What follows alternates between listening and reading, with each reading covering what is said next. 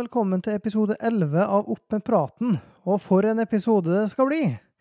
Vi skal sjølsagt ta for oss eh, breddefotballen i Nordmøre og Romsdal, der seniorsesongen nå er vel hardspilla. Det blir status på både 4. og femtedivisjon og litt øvrige divisjoner eh, på seniorsida, og vi skal se nærmere på hva overganger som har gått gjennom nå rett før overgangsfristen 22.9. Jeg heter Øystein Gjelle Bondhus, og jeg lager Opp med praten i privat regi. Og jeg har så vanlig med meg en av de aller beste spillerne i lokalfotballen etter årtusenskiftet. Torgeir Ruud Ramsli, er du klar for ei ny helg med breddefotball, Torgeir? Ja, ja. Nå er det jo storoppgjør eh, både her og andre plasser, så det blir artig helg. Ja, og i tillegg vet du, så er vi så heldige at vi har fått med oss eh, Njåle Martin Harlås, som i årrekke har vært viktig brikke på et sterkt eide omeglag. Han står oppført på fotball.no med, med skåring oftere enn annenhver kamp. Det er 50 på 94 kamper, for å være presis. Og nå har han òg gått inn i støtteapparatet rundt Eide Omeng sitt A-lag, så velkommen skal du være, Alle Martin. Jo, takk for det. det kjekt å være med. Ja, jeg tenker at ja, jeg, jeg tenker at uh, vi må jo se litt på, på, på din karriere. For du er jo ikke mer enn 28 år, men du har jo hatt en innholdsrik karriere allerede. Og kan du ta oss litt gjennom seniorkarrieren din? Ja, det kan jo være det. Det starta vel at jeg gikk til Molde i guttealder. Og så, etter litt tid der, så begynte jeg å bli med på Molde 3. Og så, etter noen år, så tok pappa over på, som A-lagstrener på Eide. Og da valgte jeg å gå tilbake. Og vi begynte å satse litt igjen. Det har vært Eid har ligget nede med kanskje en brukket rygg et par år der. Etter han var oppe i tredje. Så det var artig å begynne å satse på den. Og så begynte det å skjære seg ting eh, etter hvert der mellom styret og trener og spillere, liksom. Så da valgte pappa å gi seg, og jeg valgte å gå til Averøya etter to år på Eid igjen. Og, men det ble jo bare kortvarig, så jeg ikke var helt i den forma jeg trengte å være for å spille tredjevisjon på Averøya. Så da valgte jeg heller å gå til Bryn, som var direkte konkurrent til Eide på den tida. For å terge litt uh, diverse folk. ja, For det var ikke aktuelt da å gå tilbake til Eide? Nei, egentlig ikke. Ikke der og da. Men det var jo ikke lange oppholdet på Bryn heller, da. Det var ett års tid de var borte, liksom. Så kom vi tilbake. Og da begynte jo Eide å satse skikkelig igjen. Henta med Stig Roar og Bernt Gunnar, Asbjørn Strand, pluss et par Malmøyfjordinger her. Så vi rykka jo rett opp det året der. Ja. Og hva, hva tenker du? Altså, du, du har jo um, Når en kommer så langt så fram som til, til 2016 så, så putta du 13 mål, og det, det var åttende mest i serien det for et Eide-lag som da ble nummer fire, ett poeng bak Sunndal, som ble nummer to. Og etter det så har du jo egentlig ja, vært eh, med å sette virkelig farge på den, den fjerdedivisjonsavdelinga her, og, og laget har, eh, har kjempa helt i toppen og om opprykk til siste serierunde og greier. Altså, hvordan opplevde du de åra? Fra 2016 du tenker på nå? Eller? Ja, de, de åra der Eide nå har virkelig ja. har vært eh, fra, fra, på en måte du slo igjennom, vil jeg, vil jeg påstå, i 2016? Mm. Nei, det var artig. Uh, husker jo første seriekamp etter vi rykka opp til fjerde, når vi grusa Sunndalen hjemme. Stakkaren hadde ikke sjans utover her, men uh, Nei da, skal ikke være stygg. Nei, det har vært artig. Det, vi har hatt en fin gjeng, fin stamme. Grunnstamme der, sentrallinje som har pusha hverandre ganske hardt. Så vi har hatt et ganske bra lag til nå. De siste åra har jo folk begynt å flytte unna på viktigere ærend som skole og jobb.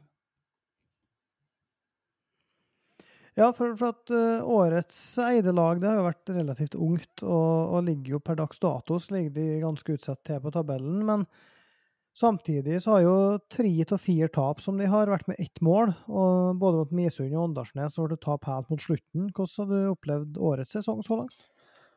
Nei, det virker som at du ikke har vært helt på, da, egentlig. Uh, vi har kanskje hatt den innstillinga mot Vestnes og Misund, f.eks. At vi skal ta dem selv om vi ikke er på 100% da. Men det vises jo at det er helt feil. Og det vises jo de andre resultatene i noen av sesongen her. At det er jo ingen som kan hvile, for at uh, plutselig så taper du jo 14-0, eller så er det jo vinner 6-0, så det er utrolig rart, egentlig. Men uh, Ja, det, det 4-0-tapet borte mot Surnadal, ser jo ganske bra ut. Den, ja, egentlig. Og det er jo den kampen vi har vært lengst unna. så Det er jo helt fortjent tap at vi taper inni der. Hva tenker du om videre i sesongen for Eide sin del? Nei, jeg tenker jo at eh, vi er fullt på høgde med mange av lagene. Og vi har selv om vi er ganske tøft kampprogram igjen, da, så tror jeg vi kan begynne å plukke poeng. Som sagt så var det jo vært mange ertmålstap. Vi tapte jo 2-1 nå mot Åndalsnes forrige helg. Som var litt ufortjent, syns jeg, da. Etter spillets gang og sjanser. Men uh, ungt lag, og det er jo det som gjenspeiler kanskje at vi ikke klarer å helle distansen ut. For vi er jo leda både mot Misund, Vestnes og Åndalsnes nå. Så er vi leda 1-0 og tapt poeng.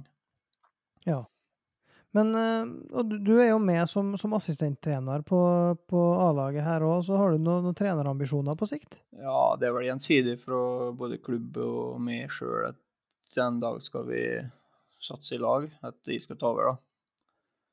Så det er jo meningen at de skal ta trenerutdannelse og diverse etter hvert. Mm. Hva tenker du på av tidsaspekt her, da? Nei, jeg regner med Kjell Olav Moen er jo god tid som trener, så fem-seks år, tipper jeg, så er det noe, kanskje. Spørs hvor lenge kroppen min holder òg, mm.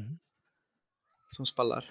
Ja, og apropos det, så, så er det jo Pådro du en skade sist, så jeg? Altså, hva hvordan blir resten av sesongen for din del? Nei, jeg regner med at uh, sesongen er over, sånn sett.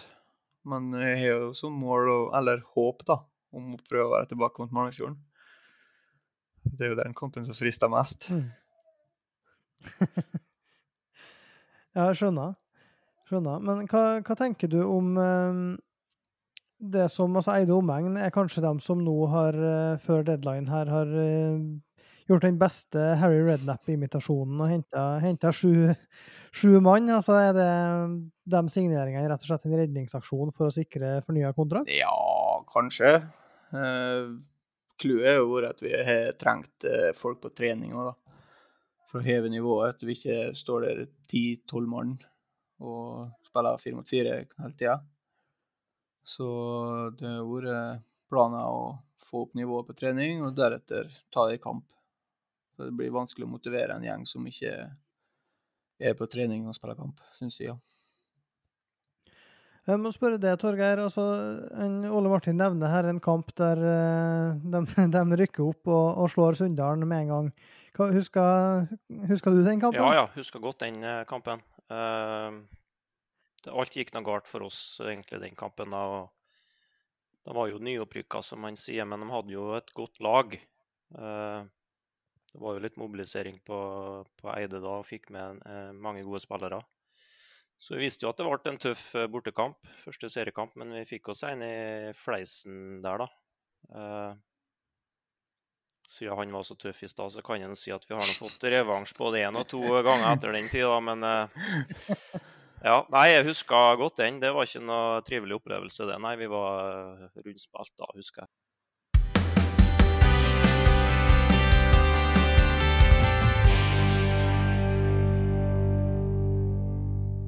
Vi spiller inn i podkasten her på breddefotballens deadline day 22.9, og det har ikke mangla på aktivitet inn mot fristen. Vi var inne på, på Eide litt uh, i stad her, med, med sju, uh, sju, nye signeringer. Og Ole Martin, vi må jo se nærmere på den ene breddefotballovergangen som faktisk havna i riksmedia i dag. For uh, Vegard Forren har signert for Eide omegn, og, og, da har vi fått flere spørsmål fra lyttere, bl.a. Johan Sæter og Thomas Hoel. Og vi må jo spørre, altså, hvordan, i alle dager kom det her i stand? Nei, skal vi ta kjedelige svar, da? Ingen kommentar, nei. nei, det er ren tilfeldighet, egentlig. Eh, jeg og Kjell, Kjell Olav sto og snakka etter trening på, for et par uker siden og snakka om spillere vi kunne hente inn. Og så bare tulla vi med Vegard Forhen, liksom, for at han var spillerledig. Og plutselig så fikk vi gjennomslag på en melding der, så var gjensidig Begge to var villige, da. Så det var, det var en, en, melding til en Vegard Forhen, rett og slett, som han eh, svarte mm. positivt på? Hva, hva, tenker du om å få, få en sånn profil inn uh, i stallen her, da? For det er klart fra Eliteserien til fjerdedivisjon så er det langt? Ja, det er langt stykke, det. Så vi håper at det kan slå positivt, så at det hever det unge laget vi har. Og at de lærer ganske mye av at vi får inn en så rutinert spiller som tar. Han har jo ganske mange landskamper på CV-en. Ja, og, og, hva med resten av spillerne? De har signert noen av dem har jo allerede debutert og, og kommet i gang. Hva, hva, effekt tror du at uh, de vil ha for andre halvdel av sesongen? Nei, Jeg tror det er stor effekt, faktisk. Det har vært helt annet Eidelag nå siste uka enn hva de tre-fire første kampene. Det begynte å snu litt mot uh, Sunndalen, men uh, vi brøt ikke gjennom dem. Så det har hovedsakelig vært offensivt. Vi har signert spillere nå, da. For det er jo der vi har slitt litt. Og når vi først er inne på, på overganger her, da, så, så, må vi jo nesten uh, høre med det, Torgeir. For at uh, Erik, som, uh, Ruud Ramsli, som er bror din, har gått tilbake til Sunndalen etter en halv sesong nå, i, halv kort sesong i Kvass. Og så har Tobias Kirkevåg gått andre veien og signert for Kvass Ulvungen. Så selv om du er en anelse inhabil her, da, så hva, hva får Sunndal og Kvass i de to spillerne her? Uh, Nei, skal ta en Erik først. da, så Spørs litt hvor de velger å bruke en hen, da. Uh, de har jo ikke hatt noe sånn problem i angrepsrekka si akkurat. Så her ungguttene som spiller der, har jo spilt veldig bra. Uh, ja, han spilte jo litt høyreback med meg, da, han Erik. da. Det skyldtes nå litt at vi hadde veldig gode spillere i kantposisjonene den tida der, da. Jeg brukte jo Tor Erik og Ådne Gikling Bruseth en periode. Og, og, så fant vi ut at vi trengte litt fart på bekkene, så han spilte jo der litt.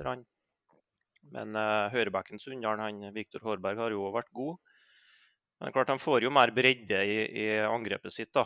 Han Erik kan kanskje spille spiss, og han eh, bra fart og har spilt en del spiss før, men kanskje litt lite fysikk til å spille der. da, så kan jo f.eks. bruke en Erik på høyre kant og, og flytte han Valseth inn i midten, som er, er, kanskje like aller best som spiss. da. Så de får jo mer bredde, bredde foran. og ja, Først og fremst så får de jo hurtighet, da, selvsagt. Det, det er jo det hurtighet og, og gode innlegg. Eh, hvis de, hvis de, gir mye mat, så blir det mye gode legg derfra.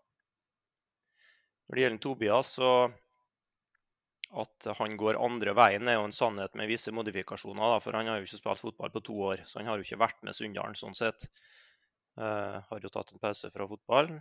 Uh, var jo en spiller som kom mer og mer inn i, inn i laget vårt uh, da jeg var trener. Uh, hurtig spiller, god fysikk, bra gjennombruddskraft. brukte den litt som back, der spilte han bra. Ehm, fysikk og fart, og brukte den også som indreløper. Er jo en spiller som er litt annerledes enn en Erik, med at han liker best å ha ballen i beina og utfordre. Um, men det er klart, hvis de får han eh, i godt spillehumør og i god form, så er han en veldig bra spiller, han i femtedivisjon. Det er ingen tvil om. Og en spiller som jeg syns var synd at ga seg, da. Uh, var jo litt ut og inn av laget og var kanskje ikke så happy med det. Men han er jo en ung gutt, så mange år igjen på fotballbanen han, hvis han vil sjøl. Så snakka litt med Tobias, eh, traff han på arbeid her for en par dager siden. og ja, det var mye kompiser som hadde gått til Kvass, mange i hans alder. Og jeg hadde lyst til å, å begynne på igjen, så vi får håpe at det blir eh, bra for han og, og for Kvass. Ja, og det så jeg jo en, en Erik uttalte til Auravis og i en sak som en Johan Sæter skrev, at uh, at uh, Erik kjente på det at uh, den motivasjonen som kanskje mangla litt under pandemitida, nå hadde kommet mer og mer igjen, og at da, da var det på en måte Sunndalen igjen for, for hans sin del. Og det, det, det at en, eh, Tobias nå etter to år uh, ute kanskje kjenner på litt av det samme, at, tror du det er litt sånn gjengs hos mange nå, at nå når det endelig er fotball igjen, og kanskje kompisene begynner å dra på trening og spille kamper og sånne ting, at, at lysta kommer tilbake hos folk som uh, har trappa ned litt eller tenkt å gi seg? Ja, det tror jeg helt klart, og det, det ser jeg på som helt naturlig. fordi at det artigste er jo en ting er å være på trening og kunne spille vanlig der, men å spille kamp er jo det som er, som er artigst. Og det har jo ikke gått an nå i, i lang tid, så det er, jo, det er, jo, ikke så rart at mange har slitt med motivasjon og sånt. Det, det ser jeg på som helt naturlig. og det ser du nå på oss som, er, som bare følger med og ser ut på, uh, på utsida òg, tenkte å si, eller er på tribunen. og nå har vi nå kjørt i gang podkast, og det er interesse på Twitter og forskjellig, Facebook. og så jeg føler når alle på en måte har fått seg en, en litt sånn ny, ny forelskelse da, i forhold til, til, fotballen, så det er jo tydeligvis noe vi har savna alle sammen. Hva tenker du om det, Ole Martin? Ja, det er jo sånn som Torgeir sier, da. At det er jo den kampfølelsen folk mangler. At uh, det er jo ikke artig å bare trene hver to, tre, fire ganger i uka og vente og håpe på at det skal skje noe. Så det er jo kjent på sjøl òg, motivasjonen til å spille fotball når du ikke vet hva som skjer. Mm. Og Hvis en ser på litt, litt, andre Det er jo flere interessante overganger som har kommet her nå mot slutten av, eh, av overgangsvinduet. En tidligere lagkamerat av det, en Sondre Eide Blikkås, har gått for treff til Spjelkavik. Mens Elnesvågen har henta en unggutt fra Molde, Lars Berg Brakstad. Og, og så er det jo mm, Tidligere Surndalen og KBK2-forsvarer Tor Inge Polden eh, han har signert for eh, VamKam i Oslo, som en klubb som jeg var med på å stifte for 14 år siden. Så det er mm, førstelag i femtedivisjon der, så det er litt sånn Det syns jo jeg er litt artig, med en surndaling der igjen. Du som var agent der, da, eller? Det, ja, det var nok med å sette, eh, sette den i kontakt der, ja. Etter, etter henvendelse fra, fra dem. Så det syns jeg er kjempeartig. Det har vært en del surndalinger der tidligere med, med på, mer på min alder. Eh, men sånn at det nå kommer noen unge surndalinger på rett over 20 som ønsker å prøve seg der, det syns jeg er kult. Og det, det er jo det samme. Vi har jo prøvd oss på, på sunndalinger og på andre, både nordmøringer og romsdalinger òg, vi, som, som, vi vet har flytta til. Vi sier jo Vamkam. Eh, at um, hvis det er noen nordmøringer og sånt som hører på, som har flytta til Oslo, så, så, er det jo sikkert for seint denne gangen, da, i og med at vi spiller inn på deadline day. Men eh, det kommer jo en sesong i 2022 òg. Så gode fotballspillere er alltid, alltid interessant for en, en, sånn klubb, en kompisklubb som ofte plukka opp gode spillere som uh, ikke vil lenger bruke fire-fem uh, kvelder i uka på, på, det. da. Um, og så Eh, beit vi merke i at Botnfjorden eh, i sjette divisjon har altså henta en, en, spiller fra Hødd. Eh, Erlend Rokseth Skeide, som har, har spilt rekruttfotball i fjerdedivisjon, kommer derifra. Så de, de er jo en ny um, daglig leder i en uh, Andreas Tautra Sylte, og, og, ny kunstgressbane, og, og, har uttalt mål om å satse mer på A-laget sitt. Så, så Botnfjorden blir, blir, spennende å følge med inn mot neste sesong spesielt, da. Eh, vi har et spørsmål fra Kvass Ulvungen-kaptein Kristoffer Ansnes til, til, begge to. Um, vi skal begynne med Ole Martin. da. Hva bortebane i lokalfotballen har de verste tilskuerne? Og Da får du beskjed om at du kan tolke verste. Det kan jo tolkes som du vil. Nei, si det. Jeg har ikke opplevd noe sånn spesielt uh, fra supportere på bortebane. Uh, jeg ville sagt kanskje så er det gamlekarene på Eidi. Står og slenger drit til motstanderen kampen lang, så det Nei, jeg vet ikke. Jeg har ikke noe sånn formodning om det, egentlig. Nei, jeg, jeg, tenkte jo med en gang det spørsmålet kom, så var det en episode som, som eh, jeg kom på. og Det var da jeg var med A-laget til Surnadal som lagleder i 2019. Så var, spilte vi borte mot Åndalsnes. Og da var det en gjeng som sto eh, bak et mål der og slengte masse dritt til, til, til spillerne til Surnadal. Og det, det er klart at, at, det der finner du jo sannsynligvis uh, overalt, men, men, det eneste gangen i løpet av de to årene jeg var A-lagsleder der, iallfall at, at spillerne reagerte på at de syntes at det her var faktisk litt over streken. Hva tenker du, Torgeir? Har du noen sånne opplevelser? Ja, jeg har jo vært storkjefta sjøl, så jeg har jo mange, mange sånne opplevelser. Men, eh, men jeg syns jo det er litt sjarmen, jeg, da. Eh, det er jo litt spesielt når du kommer til Fræna, da. Det, det må jeg nå innrømme. Eh, Malmefjorden, Bryn, kanskje gamle Elnesvågen når det var litt eldre karer med der og sånn òg. Litt sånn kommentarer og sånn, men, men, det tåler sånne som meg, da, som ja, har vært litt høyere og blitt litt opp i åra og, og melder mye sjøl. Uh, så jeg tåler det. Men jeg er jo litt enig med deg når du nevner Åndalsnes. da. For Der var det en gjeng som sto bak et mål og gikk litt på keeperen og litt mer sånn på unge spillere. Sånn, og det har jeg ikke så stor sjanse for. Det, det, er litt sånn personangrep på unggutter. Sånn, det liker jeg ikke helt. At de tar oss som er godt over 30 og, og storkjefta sjøl, det får vi bare tåle, og, og, for vi er litt hardhuda og sånn. Men eh, litt eh, sånn hets mot unggutter sånn, det, det, har jeg ikke så sans for, da. Eh, da, da er det egentlig konklusjonen vår, Kristoffer Ansnes. Så, så går vi over på fjerdedivisjon.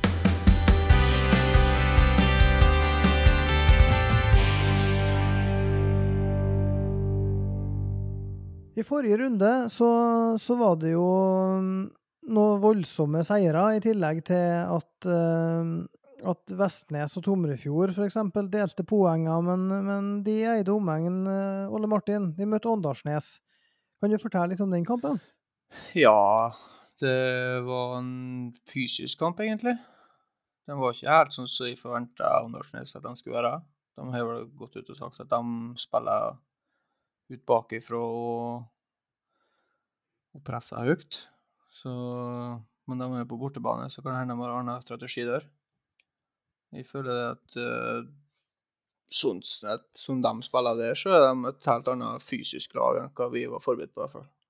Store karer har blitt, og ikke de ungguttene som var for et par år siden. Så Nei, det var en jevn kamp, egentlig. Mye dueller, mye taklinger. Det meste skjer på midten på banen, egentlig. Er det sånn at uh, du føler For det endte jo 2-1 til Åndalsnes til slutt. Er det sånn Det der er en kamp som du sitter igjen med etterpå, at der skulle vi vunnet? Ja, helt klart. Det var det som var tema på Etter vi har sett video nå på mandagstreninga, så var det det som vi satt igjen med alle mann, at det var litt ufortjent, og at vi er litt for svake i egen boks, som gjør at de skåra to mål. Så hadde vi sittet sjansene våre sjøl, så hadde vi vel leda 3-0 etter ti minutter, så det er store kontraster. Ja, det er klart at med, hvis en er for svak i egen boks, så hjelper det vel å, å signere en, eh, en, stopper med landskamper. Ja, det er klart det. Um, Torgeir, jeg vet at du har noen, noen tanker om det her. Altså, hvis en tar ser på både Surndalen Misund, som ender 14-0, og KBK2 Dale, som ender 10-1. Altså, det, det, det, er jo voldsomme resultat og tosifra med skåringer for hjemmelagene der. Hva, hva skal han si om det? At det blir sånn? Ja, Jeg spørs hvor sterke ord han skal bruke, da. Um, jeg ser jo at de som vinner så mye, syns det er kjølig artig og, og, og, veldig bra. Og, sånn, og, og det, det, forstår jeg. For jeg har vunnet 10 og 11-0 og sånn sjøl, og sikkert feira på samme måten og skrytt av eget lag og sånn, men uh, vi må jo tillate oss å stille litt uh, spørsmål ved nivået, da. Og, og forskjellene mellom lagene. Uh, Misund kommer jo uten keeper. Um, blant annet, altså Det var jo en som sto i mål, men han er ikke keeper. uh, og Dale detter jo helt sammen. Uh, og så Det er jo tydelig for meg, som jeg har sagt før, at her er det mange som ikke har trent. Uh, det er mange spillere og, og, mange lag som trenger nå å bli ferdig med denne sesongen her. Og få ei skikkelig oppkjøring og komme seg i form og spille en del treningskamper.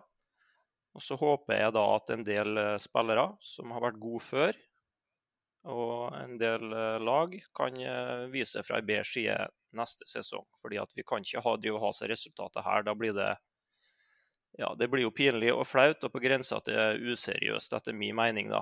Så og så virker det kanskje som et lag som Misund, da, som eh, ja, reiser med det laget de gjør til Surndalen, på en måte har tapt den på forhånd. Og så velger de kanskje noen hjemmekamper nå framover og, og mobiliserer. Kan være riktig det, sånn i forhold til å berge plassen. Jeg tror fortsatt at Misund får sin seier eller, to uh, på hjemmebane og berge. Men, eh, men, vi kan ikke ha sånne resultat som tar, for da ja, det blir for dumt, altså, rett og slett.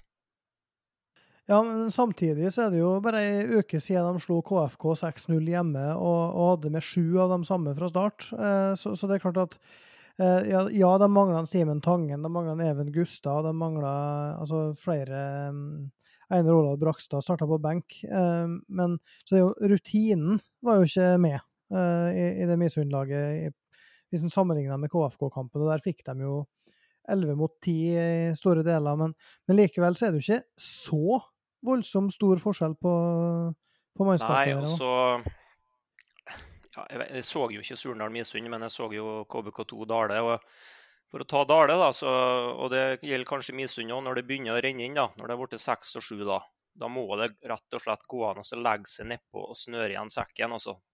Da kan du ikke bare gi opp kampen og rusle av gårde. og Sånn som Dale, da, som har et halve laget til Dale har jo erfaring fra høyere divisjoner til og med fra Eliteserien, og mange har spilt andre tredjedivisjonsfotball. Og de går bare og ser bort. Ingen ser på hverandre, ingen snakker med hverandre. Ingen springer nesten en eneste meter, og det renner inn og renner inn. og renner inn. Må ha litt mer stolthet på, på en fotballbane enn som så. Så kanskje de har sluppet med seks eller sju. Uh, når det blir ti, liksom, da Ja. Ja, um, um så jo Vestnes Varfjell mot Tomrefjorden. Asbjørn Vik var jo selvsagt på plass og streama den. Og mm, han var jo klar på under kampen og gjentok jo det flere ganger, at han eh, nå var det bare tidsspørsmål før Tomrefjord fikk uttelling. De fikk jo det, men Vestnes eh, utligna og, stakk kjepper i hjula for det som egentlig en godt, er oppfatta som en godt gjennomført hjemmekamp av Vestnes. Og hva, hva tenker du, Ole Martin, om at Vestnes tar poeng fra Tomrefjorden? Nei, jeg syns ikke det er så veldig uventa, egentlig. Det er lokalarbeid, og Tomrefjorden har full potte nå, og de slipper seg ganske kraftig ned, tipper jeg. Så det er mindre bombe for meg enn hva Dale taper 10-1. Så jeg syns Vestnes eh, de står bra defensivt, syns jeg. De legger om en åtte-ni mann der på egen sone, så alene i egen banealder. Vanskelig å trenge gjennom. Ja, Tomrefjord hadde nesten ikke målsjanser. De hadde, Nei, de hadde, det, er jo, det, er jo, kanskje det som er problemet til Tomrefjord nå, styre kamper. Ja, det tror jeg. Som sier kjent dem fra tidligere. Mm. Ja. Um, og da, da, kan vi, Det passer jo fint som en overgang til å se litt på um, status da, i fjerdedivisjonen, For nå er det jo slik at med unntak av eh, to kamper som er utsatt. Det er KFK mot Vestnes Varfjell, og det er Åndalsnes KBK2. Så har jo alle uh, unnagjort seks av elleve serierunder. Og da, da, er jo tabellen ganske delt i, i to akkurat nå. Uh, og der toppa jo Tomrefjorden med 16 poeng, mens KBK2 kan få det samme. Og da, da er jo tusenkronersspørsmålet hvordan tror vi det her går til slutt? Hva tror du, Torgeir? Nå? Nei, det tror jeg er åpent, altså. Um, jeg ble ikke imponert over Tomrefjord mot uh, Vestnes, det må jeg si. Uh, skapt veldig lite, som sagt. og Surnadal er kommet i gang. Må jo vinne i helga, da. Surnadal har ikke råd til så mye poengtap. Uh, KBK2 blir, blir jo blysterke, har tenkt å si, hvis det er et uttrykk. Hvis de skal stille med det laget de gjorde nå, for det er jo det sterkeste de har stilt med og fire-fem stykker der som eh, nesten ikke har spilt tidligere. Uh, som var uh, ja, flere hakk over de andre på banen, syns jeg. da. Men så spørs det hvor mye de blir med fremover. Men hvis KBK mønstrer det laget de hadde nå, så, så går det for dem. Men, men, jeg tror kanskje ikke de gjør det, sånn at det her kan bli åpent, det altså. Du har jo nettopp møtt Åndalsnes, eh, Ole Martin. De, de har tolv poeng på fem kamper og kan gå helt opp i ryggen på Tomrefjord og KBK2. Hva tror du de kan henge med helt inn? Ja, jeg vet ikke helt hvilke kamper de har igjen i nå, men eh, de har kanskje både Surndalen og KBK igjen, eller? Ja, de har Surndalen på Åndalsnes ja. iallfall. Nei, jeg tror det blir ganske jevnt, de. Så enten jeg tipper Tomrefjorden stikker av med de. Mm. Og så, så ser en jo at uh, i andre enden her, da, så, så har jo Smøla står jo med null poeng foreløpig. Uh, Vestnes har tre etter fem kamper, mens Eide fire, og Misund og Dale og KFK med seks poeng. Hva, hva, tror du, hva tror du som er jeg skulle ikke si involvert her, og du er jo det, Ole Martin. Hva, hva tenker du om den, den, kampen der? Så det er jo ganske jevnt nedi der, da. Så Smøla er jo kanskje gått på noe sånn som Torgeir snakka om tidligere, hederlige tap, dem òg. Samme som vi har gjort.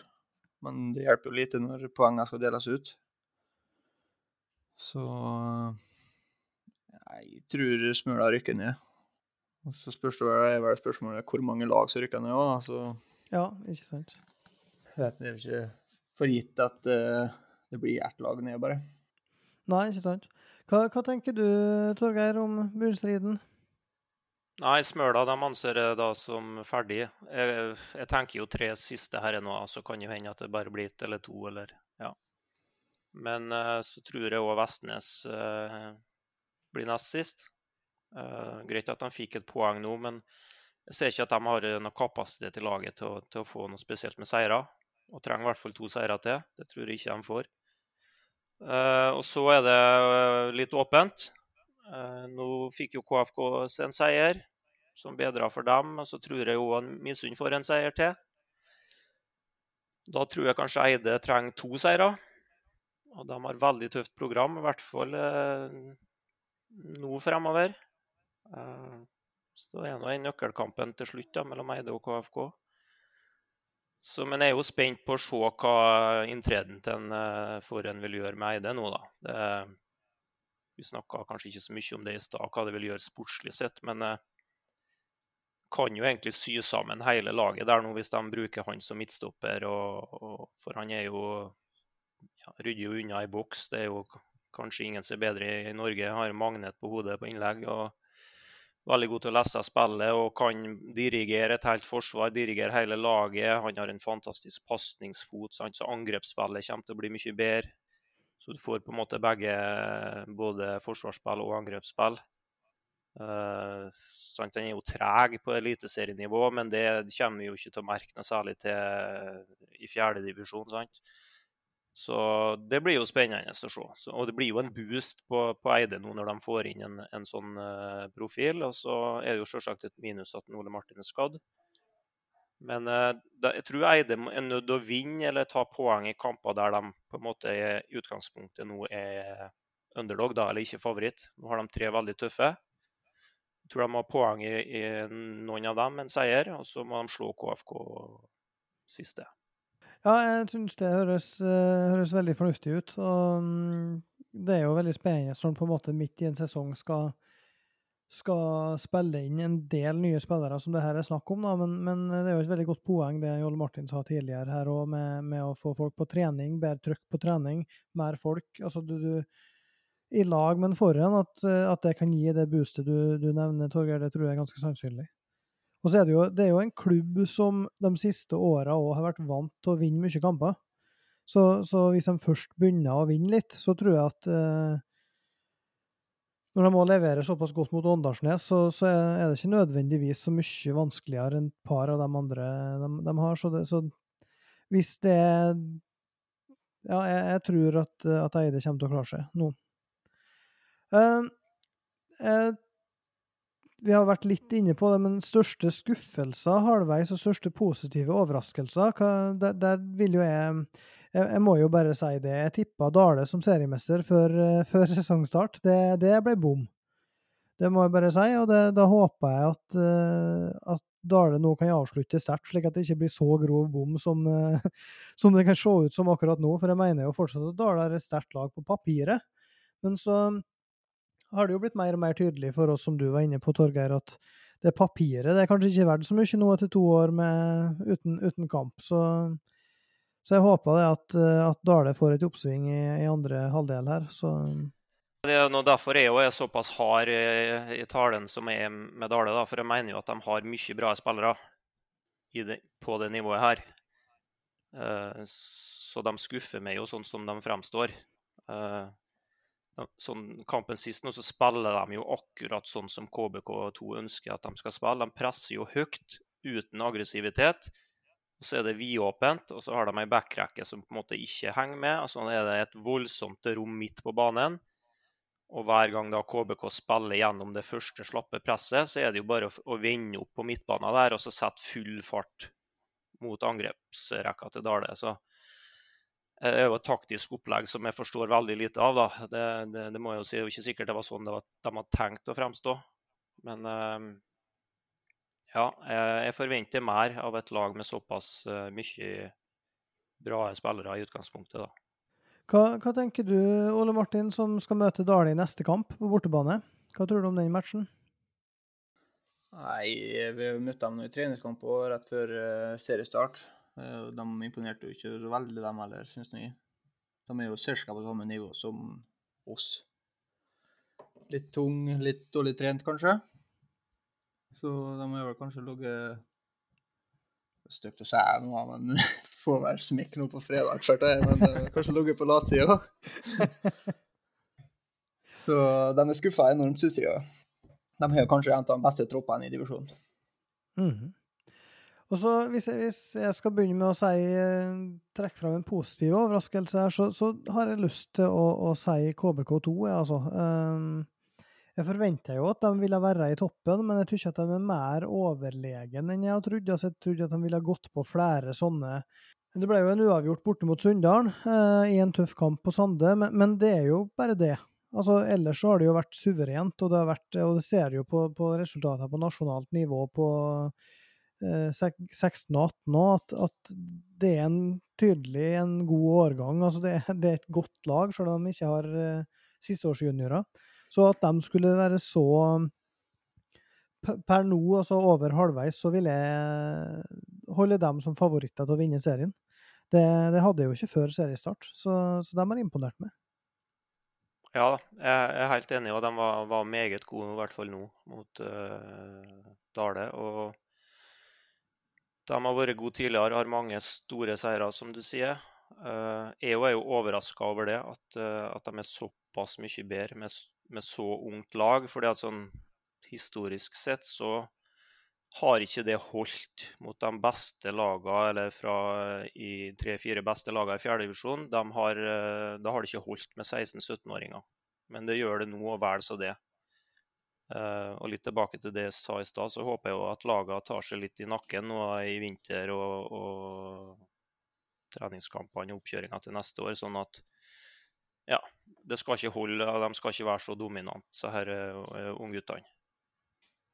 Nei, og det, det, tar oss jo over til kommende runde her. altså Da er det jo, får de jo virkelig manndomsprøven, de her ungguttene til KBK, når de skal til Tomrefjorden. Uh, I det som er en ganske viktig toppkamp der. Hva, hva, tenker du, Ole Martin, om, om den kampen? Altså når, når KBK2 skal ut på grasoppgjør mot Tomrefjorden fredag klokka, før klokka seks? Nei, det tipper jeg er en klar fordel til Tomrefjorden, i hvert fall. At det er på gras. Og, men hvis KBK får eh, så er eh, tomrefjordinger til å springe litt mot eget mål, så tror jeg de har god sjanse. Det er ganske bra teknikk på så er eh, unge guttene. Kjapp i steget. Hva tror du, Torgeir? Nei, jeg er jo ganske sikker på at den kampen blir sånn som Tomrefjord vil at den skal bli. da. Uh, fordi at KBK er med det unge laget og hva skal jeg si, utviklingsfokuset som de har, så, så er det ikke aktuelt at de legger seg nedpå og skal mure igjen og tvinge fram Tomrefjord. og sånn. De vil ha ball, og de vil uh, bygge opp angrep, og de vil angripe. Og, og det ønsker Tomrefjord, sånn at de får ligge litt nedpå og, og kontre. Så ser for meg en jevn kamp der, jeg, altså. Og Tomrefjord har jo vist styrke i, i, sånne kamper, der de får bare ligge nedpå og ri på, på resultat. Og, ja, så det blir vel noe à la sånn som det var borte mot Surnadal, f.eks. Så spørs det litt hvilket lag KBK2 stiller med. da. Jeg tror Hvis de stiller så sterkt som de gjorde sist, nå, så tror jeg kanskje de slår Tomrefjord. For eh, ja, sånne spillere som en Sivertsen og en Max Williamsen og sånn, de er altfor gode til å spille fjerdedivisjon. Ja. Ja, og, og Williamsen kom jo inn både forrige eh, kamp i Eliteserien og nå i kveld, onsdag, mot KFM KFUM i cupen, så, så, han er jo virkelig inne i varmen. Det gjorde Sivertsen òg, for så vidt, i, i dag. Så, så, de to er jo virkelig inne i varmen i lag med et par til der. Så, så det er en virkelig spennende gjeng KBK har på gang nå. Jeg, jeg tror at det blir veldig spennende å se hvem som får det første målet i den kampen. For det er klart, Hvis KBK skårer først, og Tomrefjord må fram, da tror jeg KF, KBK vinner. Altså, Da er det en stor fordel KBK.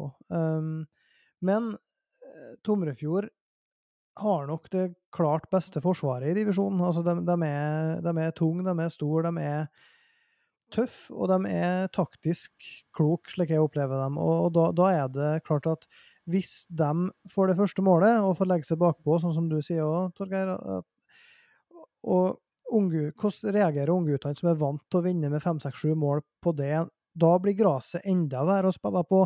Hvis det regner, så blir regnet enda tyngre. altså Motgangen der blir dobla av omstendighetene. Men det er klart, akkurat det der er jo sånn som KBK gjerne vil at de skal øve på. De trenger jo sånne, sånne møter som det der for å um, øve mentalitet òg. Så det blir en fryktelig spennende kamp, tror jeg. Hva tror du om Smøla KFK, Ole Martin? Tror du Smøla tar sine første poeng? Ja, Det spørs vel kanskje litt hva slags lag Smøla stiller igjen. De varierer vel ganske fra kamp til kamp. Så, og Samme gjør vel KFK òg. Så jeg tror det blir jevnt utpå her. De har jo ikke tapt stort, Smøla. Det har vært én og to mål, liksom, bare. Så, men jeg tror KFK eh, tar den. Angvik er vel kommet i gang nå, så da er det vel blod på tann. Ja, for det, det, var jo en kamp forrige runde her, der, eh, med KFK mot, eh, mot Sunndalen. Um, så Fikk du sett den, Torgeir? Eller vet har du fått noen rapporter derifra? Jeg har ikke sett den, men jeg har snakka med folk som har sett den. Um, de mente jo at det var ja, Sunndalen kanskje var best i første, og KFK var best eh, i andre, da ja, ikke så veldig overraska. Litt overraska over at Sunndal slipper inn fire mål, da. Men eh, ikke så overraska over at KFK vinner. De hadde jo mobilisert noe litt, sånn som Grego sa de skulle. Um, og de var jo nesten nødt å vinne. Uh, så ja, jeg er ikke så overraska over at det var en jevn kamp, og så vant det ene laget med et mål eller to. Men uh, jeg tror jo det at KFK ser på den Smøla-kampen som en sjanse nå til på en måte å komme seg litt unna verste nedrykksspøkelse. Sånn at de greier å mobilisere kanskje igjen, og at de, de er med de tre-fire-fem viktige spillerne her. Så jeg tror nok de tar den, da, som Ole Martin sier. Nå har jeg prata litt om Sunndalen, og jeg har vært innom Surndalen Misund tidligere. Altså, hva, Ole Martin, de, de eide de har møtt begge disse to lagene her. Hva, hva inntrykk fikk du av de to, du? Nei, Surndalen eh, var vel ganske så solid som vi trodde de var. Eh, jevn over hele fjøla. Bytta seg ikke ned når de bytta inn på folk. Så det er ganske bra lag inni her. Utrolig nok skjønner jeg ikke hvor dere får ifra disse spillerne. Vekst på tre. Nei da. Sunndalen er det laget som imponerte meg mest.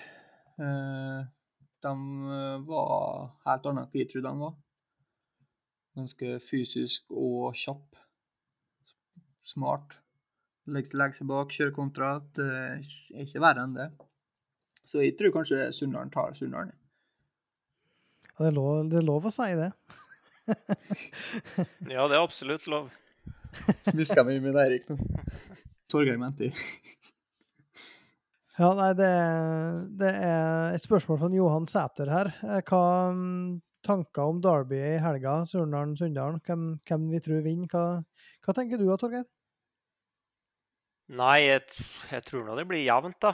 Eh, sånn som jeg har sagt tidligere, så tror jeg jo kapasiteten i Surndal sitt lag er større enn i Sunndalen sitt.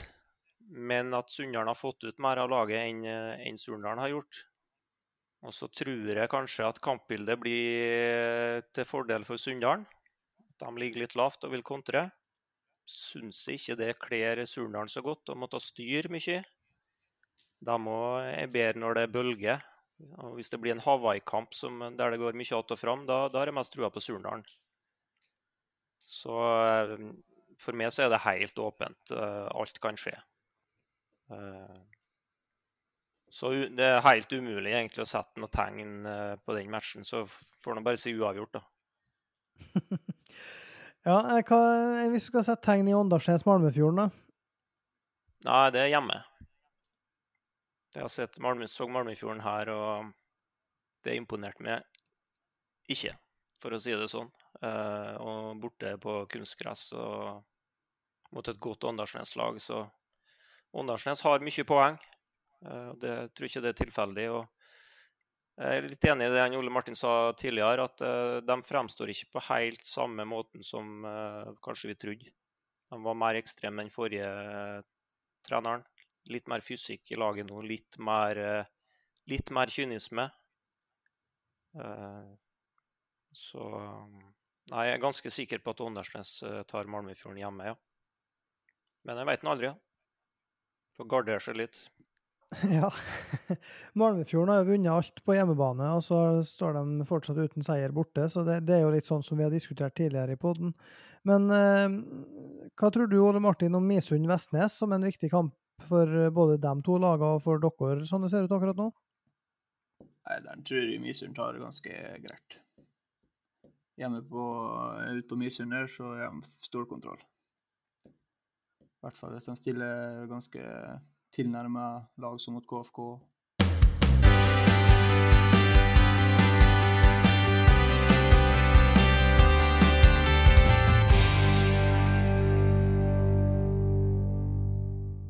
I femtedivisjon så toppa Kvass Ulvungen med, med, 14 poeng på seks kamper, men treff to er bare ett poeng bak og har én kamp mindre spilt. De to lagene møttes i toppkamp i Olvenfjorden i helga, Torgeir, i en kamp som endte 3-3 til slutt. Hvordan vurderer du det du så der? Jo, jeg syns det var veldig likt som når jeg så Kvass Elnesvågen. Uh, jeg syns at Kvass er heldig igjen, men at de på en måte da gjør seg fortjent til å være heldige, da, for de har bra moral og jobber hardt og står på helt ut. og uh, Kunne faktisk vunnet òg, for de har en enorm sjanse på 2-1. Uh, eh, skyter over fra fem meter, nesten uh, åpent mål. Og så utligner jo uh, treff til 2-2 rett etterpå. og Da blir det jo en lang periode der treff er det beste laget. Best trent, har størst kapasitet, har ballen mest. Og sånn, Men uh, de gir seg jo ikke Kåss. Uh, det skal de jo ha. og ja, Ellers så syns jeg kanskje at det var en så en Beinseth skrev på Twitter 'takk for krigen'. og Det, for, det forstår jeg jo at han skrev, for det var jo ti gule kort i kampen. Mesteparten Det var seks gule til Kvass. Og Mesteparten av de gule kortene egentlig til begge lag kommer jo på veldig stygge taklinger. da. Klart Det var jo en, en våt og, og, sleip gressbane. og Jeg har aldri sett et lag som er så taklingsglad som treff. da. Nei, som eh, Kvass. Unnskyld. Uh, og det har jo litt med at de er, de er litt uh, tunge på midten og kommer litt på etterskudd. og Istedenfor å jobbe etter og springe opp folk, så blir det sklitakling. Så jeg var litt sånn småampert da på, med publikum og sånn, men uh, ja. Det får de bare ta med seg. De jobba i hvert fall for det poenget de fikk. og så Om det kosta en gult kort, så får nå det våge seg. Men uh, til tider var det litt stygt. Uh, men uh, ja. Nei, jeg syns jo at treff fremstår som et bedre lag, men Kvass nok en gang jobber inn poeng. da. Bare litt, litt på sida, men jeg syns jo det er litt artig at en uh, Maktar Tion spiller på det trefflaget der. Altså, hvordan, hvordan framstår han i 2021? Han viser jo i Glimt at han er på et annet nivå enn resten. Eh, sånn som første målet, så drar han jo med seg ballen eh, helt fra midten og springer fram midtbanen til Kvass med ball. Eh, spiller ut på sida, får den igjen og setter den i tomt bur. Og har noen detaljer og en ro og sånt som, som ingen andre på banen har. Eh, men blir litt lite borti ballen, eh, etter min smak, da. Eh, kanskje hvis de har brukt sentralt istedenfor som indreløper, eller noe sånt, så han kunne ha styrt kampen mer. Sånn at i Glimt og i perioder og noen situasjoner ved måla og sånn, så, så, viser han jo at han har et annet nivå enn resten. Så var, han godt trent og, jobber hardt og spiller seriøst og, og alt sånt. Så det, var ikke noe, det var ikke noen oldboy-spiller, det, nei. Nei, men det er artig, artig med profiler i, i lavere divisjoner, og det er vi jo kjempeglade for. Og det, jo, det blir det jo flere av nå, da. Um, hvis en ser på resten av kampene, så, så vinner jo både Averøy-kameratene og Ellesvågen greit. Uh, Molde 3 slår Dale 2 5-1. Og det er, betyr jo det at det er I toppen så er det jo de lagene som vi har snakka om før. Men situasjonen per i dag er jo det at uh, treff 2 er i førersetet, men etter at Kvass utligna på overtid, eller her på tampen mot treff, så har jo treff igjen Elnesvågen borte. Uh, og hvis de taper den, mens Kvass vinner sine tre De skal jo til Averøya, dem òg, men La oss si at Kåss vinner sine tre, så, så er de et uh, hjelp fra Ellesvågen unna å vinne. Hva tror du at det er sannsynlig med hjelp fra Ellesvågen uh, der, Ole Martin? Jeg tror treff uh, tar det ganske greit. Jeg tror Kåss kommer til å tape ut på Averøya. Det er ekkel bortebane å svare på. Og Sunndal-laget og dem rundt der sliter vel alltid ut på øya utpå Stemmer ikke det, Torgeir? Ja, om ikke alltid, så i hvert fall veldig ofte. Du har rett i det.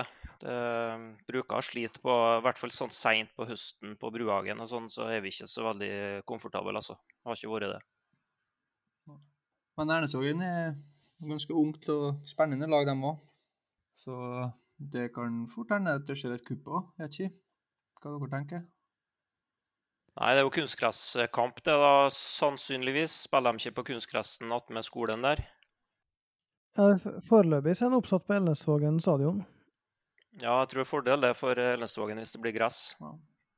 Det tror jeg. De er, litt, de er litt tyngre og mer fysisk eh, enn treff. Så nei, åpen, åpen kamp, det. De er, de er ganske jevngode, så er det eh, tre lagene som jeg har sett. da. Jeg har ikke sett AK.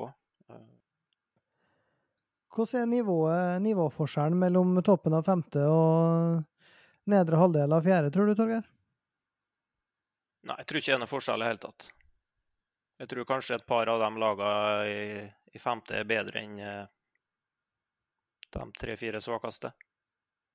For de, eh, sånn som det fremstår nå, så har de ja, litt go og litt drive i klubbene, og det satses litt, og det er mye folk på trening. og det tror jeg, sånn som Ole Martin sa, at de er avhengig av det. Til og med på nivået her så er det på en måte å ha mye folk på trening og gode treninger. sånn Det får du igjen for i kamp. Så du kan på en måte ikke bare ha en gjeng eh, ja, decent spillere, og så skal du møte opp og spille kamp. Det holder faktisk ikke. Så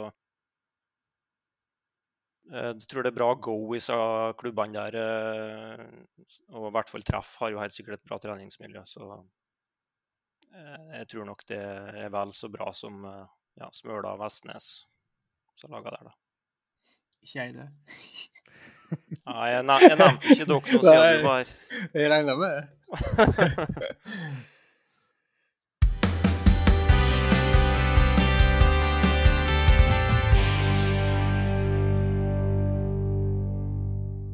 Det har vært stort fokus på 4. og 5. divisjon for menn så langt i podkasten vår, men slik eh, ligger det an i de øvrige seniorligaene i kretsen. I tredjedivisjon damer så er det den spesielle situasjonen at fire av fem lag står med ni poeng. Og av dem så har KBK sitt damelag én kamp mindre spilt enn de andre, som er Langfjorden Åndalsnes, Surnadal Søya Todalen og Molde 2. Så foreløpig så ser det ut som en liten eh, fordel KBK her. Hva tenker du, Torgeir, om at KBK driver i gang damesatsing nå? Nei, jeg tenker nå at det er helt naturlig. Eh, sånn som alle andre toppklubber gjør. Uh, kommer jo eh, etter én etter én nå. Så det er bare på høy tid. Damefotballen er jo i rivende utvikling. og Jeg skal ikke påberope meg eller skryte på meg at jeg ser så mye damefotball, men, men jeg ser litt av og til for å, for å vurdere utviklinga og vurdere nivået, sånn at jeg har uh, dekning for å kunne si noe i diskusjoner eller om jeg blir spurt og sånn. Så og jeg synes jo, For det første så syns jeg at enkeltspillerne er mye bedre enn, en før. Eh, de er bedre trent og de er bedre teknisk og de har en større tak taktisk forståelse og alt sånt. Sånn at du ser eh, toppkamper eh, i Europa, sånn, så er det et helt annet nivå enn bare for ja, fem år siden. Sånn at de norske klubbene òg begynner å satse på damefotball, det, det ser jeg på som helt naturlig. Det, det, den utviklinga kommer. Så, og det blir bedre og bedre. Mm. Um, I sjuerserien til, til, damer så er det um, Dale Nordlandet som uh, topper, men der går Sunndalen forbi på målforskjell hvis de vinner hengekampen sin. Og det, det er borte mot et AK-lag som de slo 8-2 borte. Nei, hjemme, mener jeg. Uh, I menn sjuer så er det regjerende kretsmester Elnesvågen som står med full pott etter fire runder. Og der toppa sjølsagt Christian Benjaminsen toppskårerlista, rett framom eh, både lagkamerat og mangeårig makker eh, Kjetil Brudeseth. Så det er kjente navn. Og eh, Ole Martin, du nevnte jo Asbjørn Strand her tidligere i, i podkasten, og han debuterte for Elnesvågen sjuer med to mål sist. Han var jo god i rundt 2012 og 2013 og utover her der Elnesvågen hadde et godt tredjedivisjonslag mot en rekke sunnmørslag og greier. Hvordan husker de Elnesvågen-laga fra de åra der, Ole Martin f.eks.? Nei, det var vel ganske bra lag, som jeg husker. Jeg husker vi spilte mot dem Molle tre en gang, og vi fikk så gal bank at det ikke har vært så skummelt for meg fotballbane. Men eh, god blodtrimma Peter Berg og Asbjørn og Vidar Storvik og gjengen, så det var ganske bra lag de hadde. Ja, Vidar Storvik han spilte jo var sist sett i femtedivisjon med Bøkeby i Oslo i 2019. Så det, det er fortsatt uh, Han er ikke på Ellesvågen sjuer sånn som resten, men uh, det er ikke lenge siden han var i aksjon. Hva tenker du om det, det laget de hadde, Ellesvågen der, som danna basisen for det sjuerlaget nå, Torgeir? Jo, det var jo et, eh, et, artig lag med veldig mange profiler. Vi hadde jo Kjetil Hoam i mål, som var en karakter, for å si det mildt. Um, var jo et uh, hva skal jeg si, veldig sånn angrepsvillig uh, uh, lag, da. Det var veldig mye mål i kampene deres begge veier, egentlig. I hvert fall når vi spilte mot dem. Og sånn Hawaii-kamper, plutselig den ene laget 5-0, og så var den andre laget 4-0. og så... Det var veldig mange gode spillere. felles for dem var vel at de var ikke så glad i å trene, da. De var vel eh, minst like mye på bamsekroa som de var på, på treningsfeltet, antar jeg. Uh, nei, mye, veldig mye gode spillere, og folk som når jeg treffer dem, så prater vi og fleiper litt og litt historier og litt sånn. Så det er bare artig, veldig artig gjeng, egentlig. Mye, mye temperatur, uh, men og mye humør. Så gode minner fra kamper mot dem.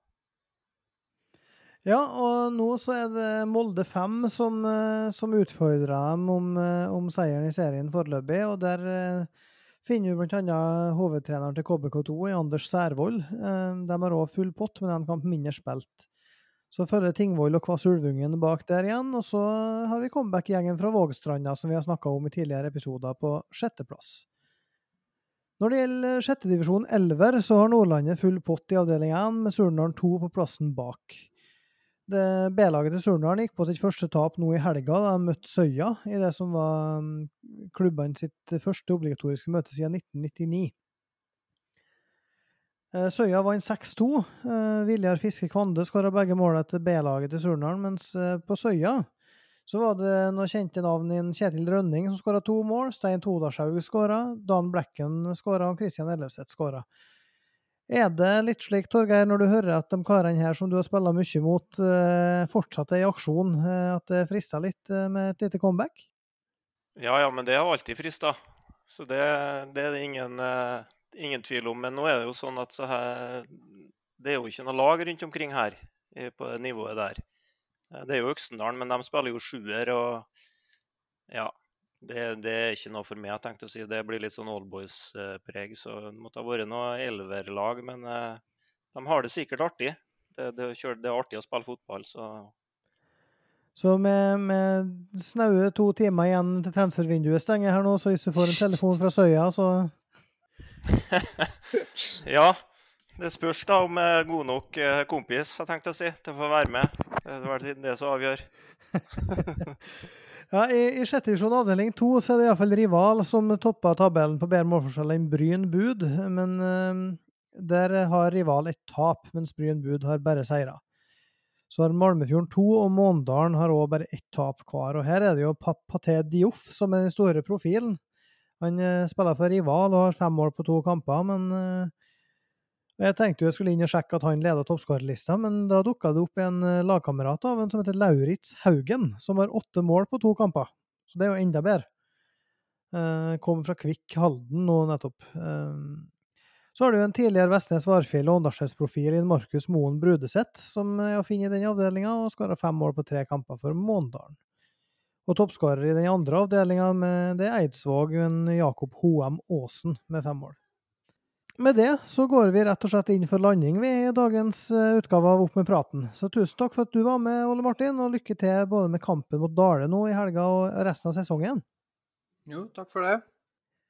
Og takk til deg òg, Torgeir. Nå er det jo bare å lade opp til, til storoppgjør på Sande på, på lørdag. Ja, ja, det blir artig. Da må man komme seg tidlig på kamp og få kaffe og forskjellig, så blir det forhåpentligvis artig, det. da. Ja, ikke sant? Vi får iallfall satse på at surndalinga og sunndalinger er nok på talefot neste uke òg til at det blir ny, ny pod. Så i mellomtida så sier vi takk for oss, og heia breddefotball.